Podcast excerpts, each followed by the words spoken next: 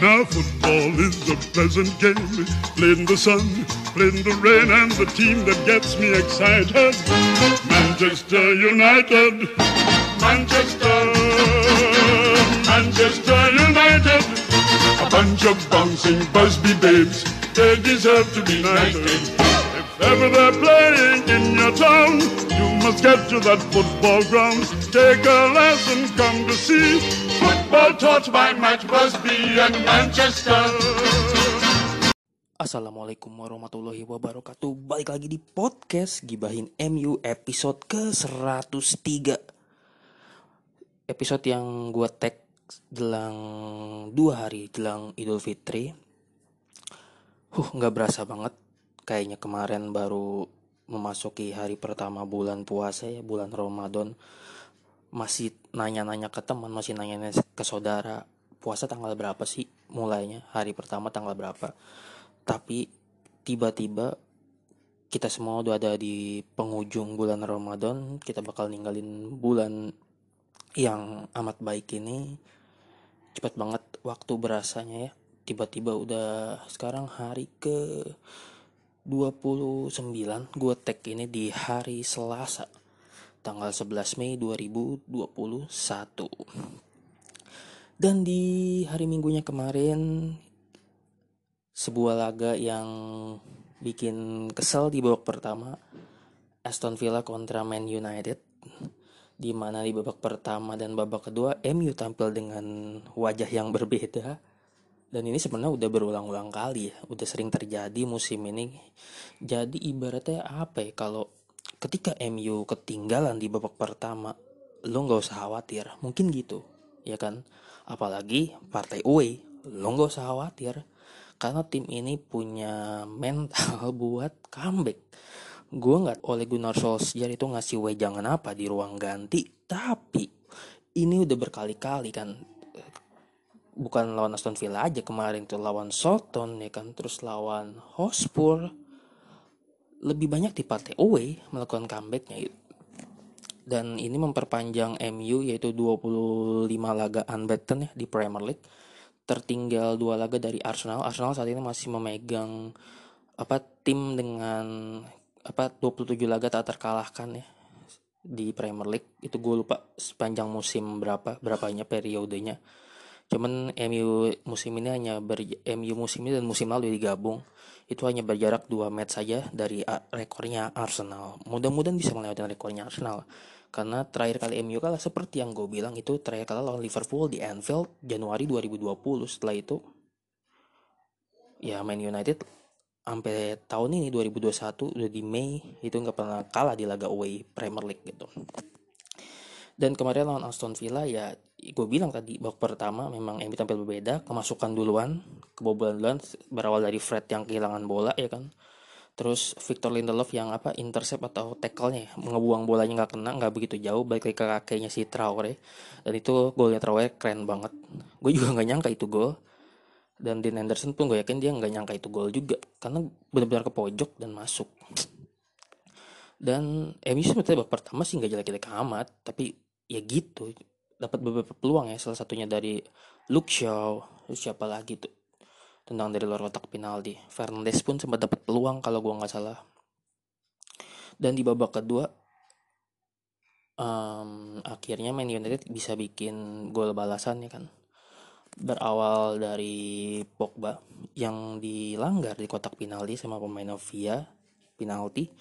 Ini kalau nggak salah jadi penalti ke-10 atau 9 buat Man United di Premier League. Jadi tim paling banyak yang dapat penalti setelah Leicester dan Bruno Fernandes dengan tenang mengeksekusinya satu-satu. Hanya berselang 2 atau 3 menit, MU berbalik unggul lewat golnya Mason Greenwood. Greenwood ini benar-benar ingetin kita sama Robin van Persie dan ini gol keberapanya Greenwood yang musim ini. Greenwood ini musim ini kan jumlah golnya nggak sebanyak musim lalu ya. Bahkan bahkan dia butuh beberapa peluang buat bisa bikin gol gitu. Memang musim lalu kalau kalian ingat kan duelnya Marcus eh duel. Duetnya Rashford, Martial sama Greenwood itu jadi trio yang mematikan lah ya. Mereka nyaris bikin 20 plus gol lebih satu orang kalau gue nggak salah ya. Musim ini itu penurunannya drastis banget. Rashford lah yang masih stabil Greenwood menurun apalagi Martial lu nggak bisa harapin lagi gitu. 2-1 dan di sini ketika 2-1 gue yakin ya udah ini bakalan aman nih 3 poin. Dan oleh melakukan rotasi. Salah satunya Greenwood ditarik keluar dengan masukkan Edinson Cavani. Cavani main di babak kedua.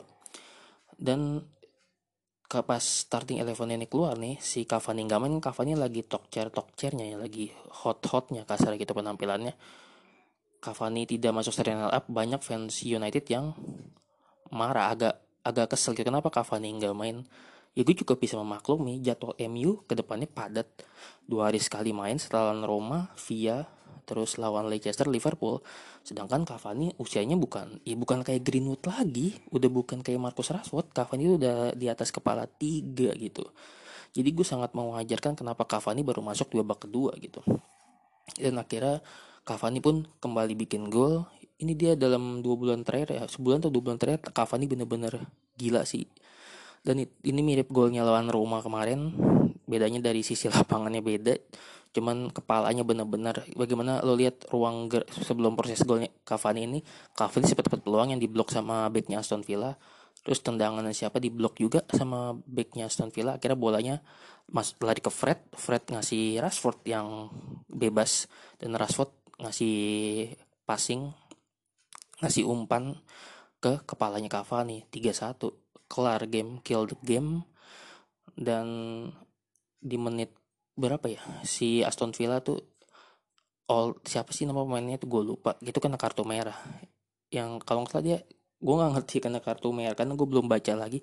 Dia itu kena kartu merahnya diving atau apa gitu karena tadinya gue pikir malah penalti buat Aston Villa karena Dean Henderson yang ngelanggar. Ternyata justru si Oli Matkins ya gue lupa nama siapa pakai pemain Aston Villa itulah. Satu tiga. Uh, selesai tiga poin 70 poin. Masih punya beda dua pertandingan ya sama City dan masih apa namanya beda 10 poin punya dua tabungan pertandingan tapi dua gitu, dua pertandingannya nggak mudah. Lawannya Leicester sama Liverpool Leicester sama Liverpool ini kan masih berusaha ngeraup poin sebanyak-banyak ya buat lolos ke Liga Champions musim depan. Apalagi Leicester mereka kalah kemarin kan lawan Everton. Ini Leicester ini seperti musim lalu mereka tuh menurun pas pekan-pekan terakhir dan kayaknya kita udah nggak heran gitu ya. Sementara Liverpool Chelsea itu pada apa namanya berusaha meraih poin sebanyak-banyak kayak gitu kan. Jadi gue pribadi sih yakin banget kalau MU nggak akan mudah lawan Leicester lawan Liverpool. Dan gue juga penasaran banget sama rotasinya oleh Gunnar Solskjaer nih karena empat hari dua laga untungnya main dua-duanya main di Old Trafford nih setelah ini kan. Lawan Leicester lawan Liverpool main di Old Trafford dan ya penasaran juga gitu karena kan mana yang akan lebih dipilih oleh Gunnar Solskjaer laganya. Gue yakin sih dua-duanya bakal dipilih cuman melihat pemain yang udah hampir seminggu bisa main tiga kali ya sepanjang musim ini gitu. Bahkan si Bruno Fernandes pun ngomong katanya kalau main tiga kali seminggu udah biasa musim ini dan itu waktunya waktunya kurang buat gue gila itu Fernandes emang mentalnya mental juara gitu. Cuman ya ini kan udah masuk musim-musim terakhir. Apalagi MU bakal main di final Liga Eropa, kesempatan oleh buat dapet trofi gitu. Dan ini apa ya? Gue ngeri banget dan udah jadi udah ada kelihatan Harry Maguire kemarin lawan Aston Villa dia cedera dan ini untuk pertama kalinya Harry Maguire ditarik keluar kan. Sepan sebelum itu Harry Maguire sebagai starter Man United sepanjang 71 pertandingan Premier League. Gila dan potensi absen akhirnya bakal lawan Leicester dia oleh Gunnar Solskjaer mengkonfirmasi kalau dia kemungkinan bakal absen gitu. Ini yang gue takutin. Mudah-mudahan sih Rimegar udah fit ya pas final lawan apa Villarreal nanti gitu. Yang ini gue takutin. Takutnya ya kalau cedera cuman seminggu atau itu reka, bisa recovery lebih cepat ya nggak apa-apa. Yang gue takutin ya cedera panjang kita nggak pernah tahu nih, ya kan. Yang gue ngeri kalau Fernandes ya kan yang kena kayak gitu mau jadi apa ntar MU itu di final nanti gitu karena buat gue sendiri Premier League udah peringkat udah paling pas ya meskipun MU masih punya peluang buat jadi juara hitungan matematisnya itu kan kalau City kehilangan nggak pernah menang lah di tiga laga sisanya lawan Brighton eh lawan Newcastle Brighton sama gue lupa satu lagi apa. Nah masalahnya lawan mereka selanjutnya Newcastle sama Brighton udah selamat dari zona degradasi. Karena dini hari tadi Fulham terdegradasi jadi tim terakhir yang terdegradasi setelah sebelumnya Sheffield United, West Bromwich Albion sama Fulham tadi. Jadi udah nggak ada nih tim degradasi pertarungan tim degradasi gitu semuanya udah akan ya udah ngejalanin sisa musim aja tapi gue berharap dari Newcastle ya kan dari Steve Bruce setidaknya bisa apa ya menahan City lah gitu. Meskipun kalau buat juara berat ya, tapi setidaknya menghilangkan poin, ngambil poin dari City gitu. Biar mungkin pemain-pemain MU bisa jadi apa ya, termotivasi gitu. Meskipun berat ya ngarep itu apalagi dua tim itu Newcastle sama Brighton udah aman dari zona degradasi dan City hanya tinggal butuh satu kemenangan lagi kan sebenarnya. Kemarin mereka kalah lawan Chelsea 1-2 yang sebenarnya kalau mereka menang itu mereka akan jadi juara Premier League. Dan kalau MU kalah pun kalau lawan Leicester ya City otomatis akan jadi juara tanpa bertanding gitu. Entah kalah lawan Chelsea atau kalau Liverpool pokoknya MU kehilangan poin ya City otomatis bakal juara gitu. Jadi ya buat gue ya lebih baik fokus di Europa League sekarang ini dan mudah-mudahan rotasinya berjalan lancar nih si Ole Gunnar Solskjaer dan nggak ada pemain yang cedera ya. Itu kayak ditakutin apalagi nanti final lawan Villarreal memang masih akhir bulan. Dan kita bakal ngetin lawan Leicester nih bakal main dini hari nanti nih karena kan gue teks Selasa ya. Jadi penasaran juga lawan Leicester karena musim ini lawan Leicester nggak pernah menang. Main di King Power sih seri 2-2 pas di Premier League ya yang pas Boxing Day. Terus sama kalah 3-1 kan di FA Cup kemarin gitu. Dan saat itu pas lawan Leicester pas apa namanya main di King Power itu duet lini tengahnya itu di Lenang Pradana Nemanja Matik sama Fred ya kan. Jadi eh Matik atau sama Scott ya gue lupa. Pokoknya Nemanja Matik main dari awal dan itu lini tengahnya M itu benar-benar kebabat habis sama Leicester benar-benar di benar-benar digempur lah ya lini tengahnya. Waktu itu Fernandes nggak main kan itu waktu Eva ya dan Pogba yang main saat itu. Dan ya ini udah masuk fase-fase terakhir Premier League. Tim-tim yang ketahuan udah zona degradasi udah ketahuan dan City sampai dipastikan juara jadi ya yang seru masih perebutan top 4 ya. Perebutan tiket Liga Champions. Kekalahan West Ham terus Leicester itu membuat Liverpool sama Chelsea berpeluang merangsak naik. Chelsea udah masuk di empat besar gitu. Liverpool memang masih di peringkat 5 atau 6 gue lupa 6 sih kayaknya deh di bawahnya West Ham tapi mereka berpeluang besar naik untuk jadi ke peringkat keempat gitu. Sementara kalau Hotspur juga masih punya peluang tapi kecil banget. Kalau Arsenal ya lo gak usah tanya lagi kayaknya ini akan jadi musim terburuknya Arsenal di era Premier League ya gue nggak tahu sih kayaknya bener deh ini era terburuknya eh musim terburuknya Arsenal di era Premier League gitu uh gila ini jadwal padat banget ada lawan Leicester, Liverpool. Bingung ya kalau disuruh milih pasti kalau ini ngelepas satu pertandingan lah. Misalkan gitu. Karena posisi MU menurut gue di peringkat kedua udah aman di Premier League gitu.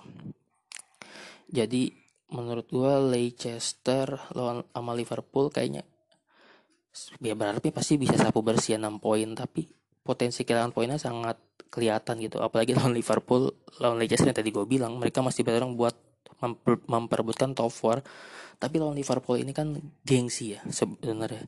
Ada gengsi Northwest Derby ada gengsi ada harga diri di situ. Ya ini kan sebenarnya kalau kemarin lawan Liverpool nggak ditunda minggu lalu ya musim ini eh pekan ini jadwal MU ya seperti biasa normal-normal aja cuman jadi nggak normal karena ada pertandingan tunda ini kan lawan Liverpool gitu. Dan kabar dari luar lapangan ya ini Edison Edison Cavani seperti di tweet sama Fabrizio Romano sekitar jam 11-an nih kalau gue nggak salah jam berapa ya jam 7 eh oke sore sih kalau gue nggak pas kemarin itu dia nge-tweet kalau Cavani setuju untuk memperpanjang kontrak setahun dengan Man United sampai tahun 2022 dan itu akhirnya di apa diumumin resmi sama akun ofisialnya MU gitu. Cavani terlihat foto sama Ole Gunnar Solskjaer sambil menandatangani proposal kontrak. Dan yang menjadi sorotan gue adalah lu kalau lihat fotonya lu perat lu lihat deh. Beberapa fotonya itu udah kesebar banyak dan lu lihat. Itu di meja mejanya MU yang pas Cavani tanda tangan itu pada gompal. Lu kayak kayak meja anak SD kayak meja sekolah apa ya? Ih maaf maaf ya. Kayak meja sekolah swasta yang nggak terawat gitu. Ya, kayak meja ya lo pasti lah ngalamin sekolah gimana sih? Sekolah mejanya coret coret kata saya coret coretan pada gompal. Gompal kayak gitu di ujung. Lo bayangin tim sekelas Manchester United salah satu klub dari lima klub terkaya di dunia klub sepak bola terkaya di dunia itu beli meja aja ganti meja aja kayaknya nggak sanggup gitu. Lo bayangin coba bener-bener gila. Itu makanya kenapa alasan supporter United di sana ataupun di sini ya yang lebih rasa sih itu supporter lokal ya itu benci banget sama Glazer. Itu dia karena Glazer tuh nggak benar-benar nggak merhatiin M kayak nggak merhatiin M cuman ngeruk ngeruk duit aja dari pendapatan MU gitu. Lo lihat berapa bulan yang lalu lah sempat tersebar video atap Old Trafford bocor ya kan? Yang pas hujan gede itu memang gila menurut gue dan ini meja. Lo meja yang biasa kayak buat bisa press conference ya kan? Itu gompal ujungannya lo bisa lihat sendiri cek fotonya. Banyak tersebar di sosial media. Itu betul-betul gue benar-benar gila sih. Ini klub lo beli klub yang pendapatannya buset. Ini nggak sanggup ganti meja. Gue nggak ngerti lagi deh pokoknya. Ini Manchester United aduh aduh jadi gibahin ya bulan puasa ini tapi nggak apa-apa. Namanya juga podcast ya podcast gibahin MU ya tujuannya menggibah gitu. Ya oke lah gitu aja teman-teman. Di episode ke 103 ini ya sekitar dua hari lagi kita udah memasuki satu syawal ya Idul Fitri. Nah gue pribadi mengucapkan minal aidin wal faizin. Mohon maaf lahir dan batin apabila ada salah-salah kata dan perbuatan selama apa nih udah masuk terus tiga episode ini yang mungkin ucapannya kurang enak didengar, gue minta maaf dan buat teman-teman yang akan merayakan Idul Fitri semoga tetap sehat, tetap menjaga protokol kesehatan juga ya untuk ya bu, untuk diri kalian juga dan untuk keluarga yang penting itu yang pentingnya untuk diri kalian sendiri dan keluarga kalian sendiri gitu. Karena sakit itu mahal gitu meskipun sekarang ada BPJS dan mudah-mudahan di momen Idul Fitri nanti kita semua bisa ngerasain momen ngumpul bareng keluarga meskipun ada larangan mudik ya dari pemerintah dan beberapa gue videonya ada yang menerobos sekat-sekat dari ke, apa pihak yang berwajib itu ya mudah-mudahan kalau yang memang memaksakan mudik bisa sampai dengan selamat sampai tujuan gitu. Yang enggak pun tetap bisa berkomunikasi sama keluarganya bisa tetap video callan gitu gitu dan jangan lupa teman-teman juga gue bukan sosokan ya tapi mau memperingatkan buat jangan lupa zakat fitrah gitu ya kan. Biasanya orang suka lupa gitu. Kali itu adalah salah satu kewajiban kita sebagai umat muslim ya uh, di bulan Ramadan ini dan memasuki Idul Fitri ini. Ya udah sih gitu aja. Di episode 103 ini yang bisa gue bahas ya cuman pertandingan langsung filman United dan persiapan lawan Leicester lawan Liverpool dan yaitu tadi soal Cavani yang akhirnya perpanjang kontrak gitu. Dan teman-teman kayaknya dalam sepekan ke depan juga gue podcast di BNMU bakal libur dulu upload uh, episode-episode selanjutnya karena mau menikmati suasana Idul Fitri mau istirahat sejenak gitu ya kan. Hmm, pokoknya ya nanti gue nggak tahu kapan lagi bikin episode kayaknya sih pekan depan ya jadi kalian nikmatin aja duel Man United Leicester sama Man United versus Liverpool di hari-hari yang masih berbau Idul Fitri nanti itu ya. Oke, gue pamit. Terima kasih yang udah dengerin podcast Giban MU di episode kali ini. Wassalamualaikum warahmatullahi wabarakatuh. Sekali lagi, minal aidin wal faizin. Mohon maaf lahir dan batin. Bye bye.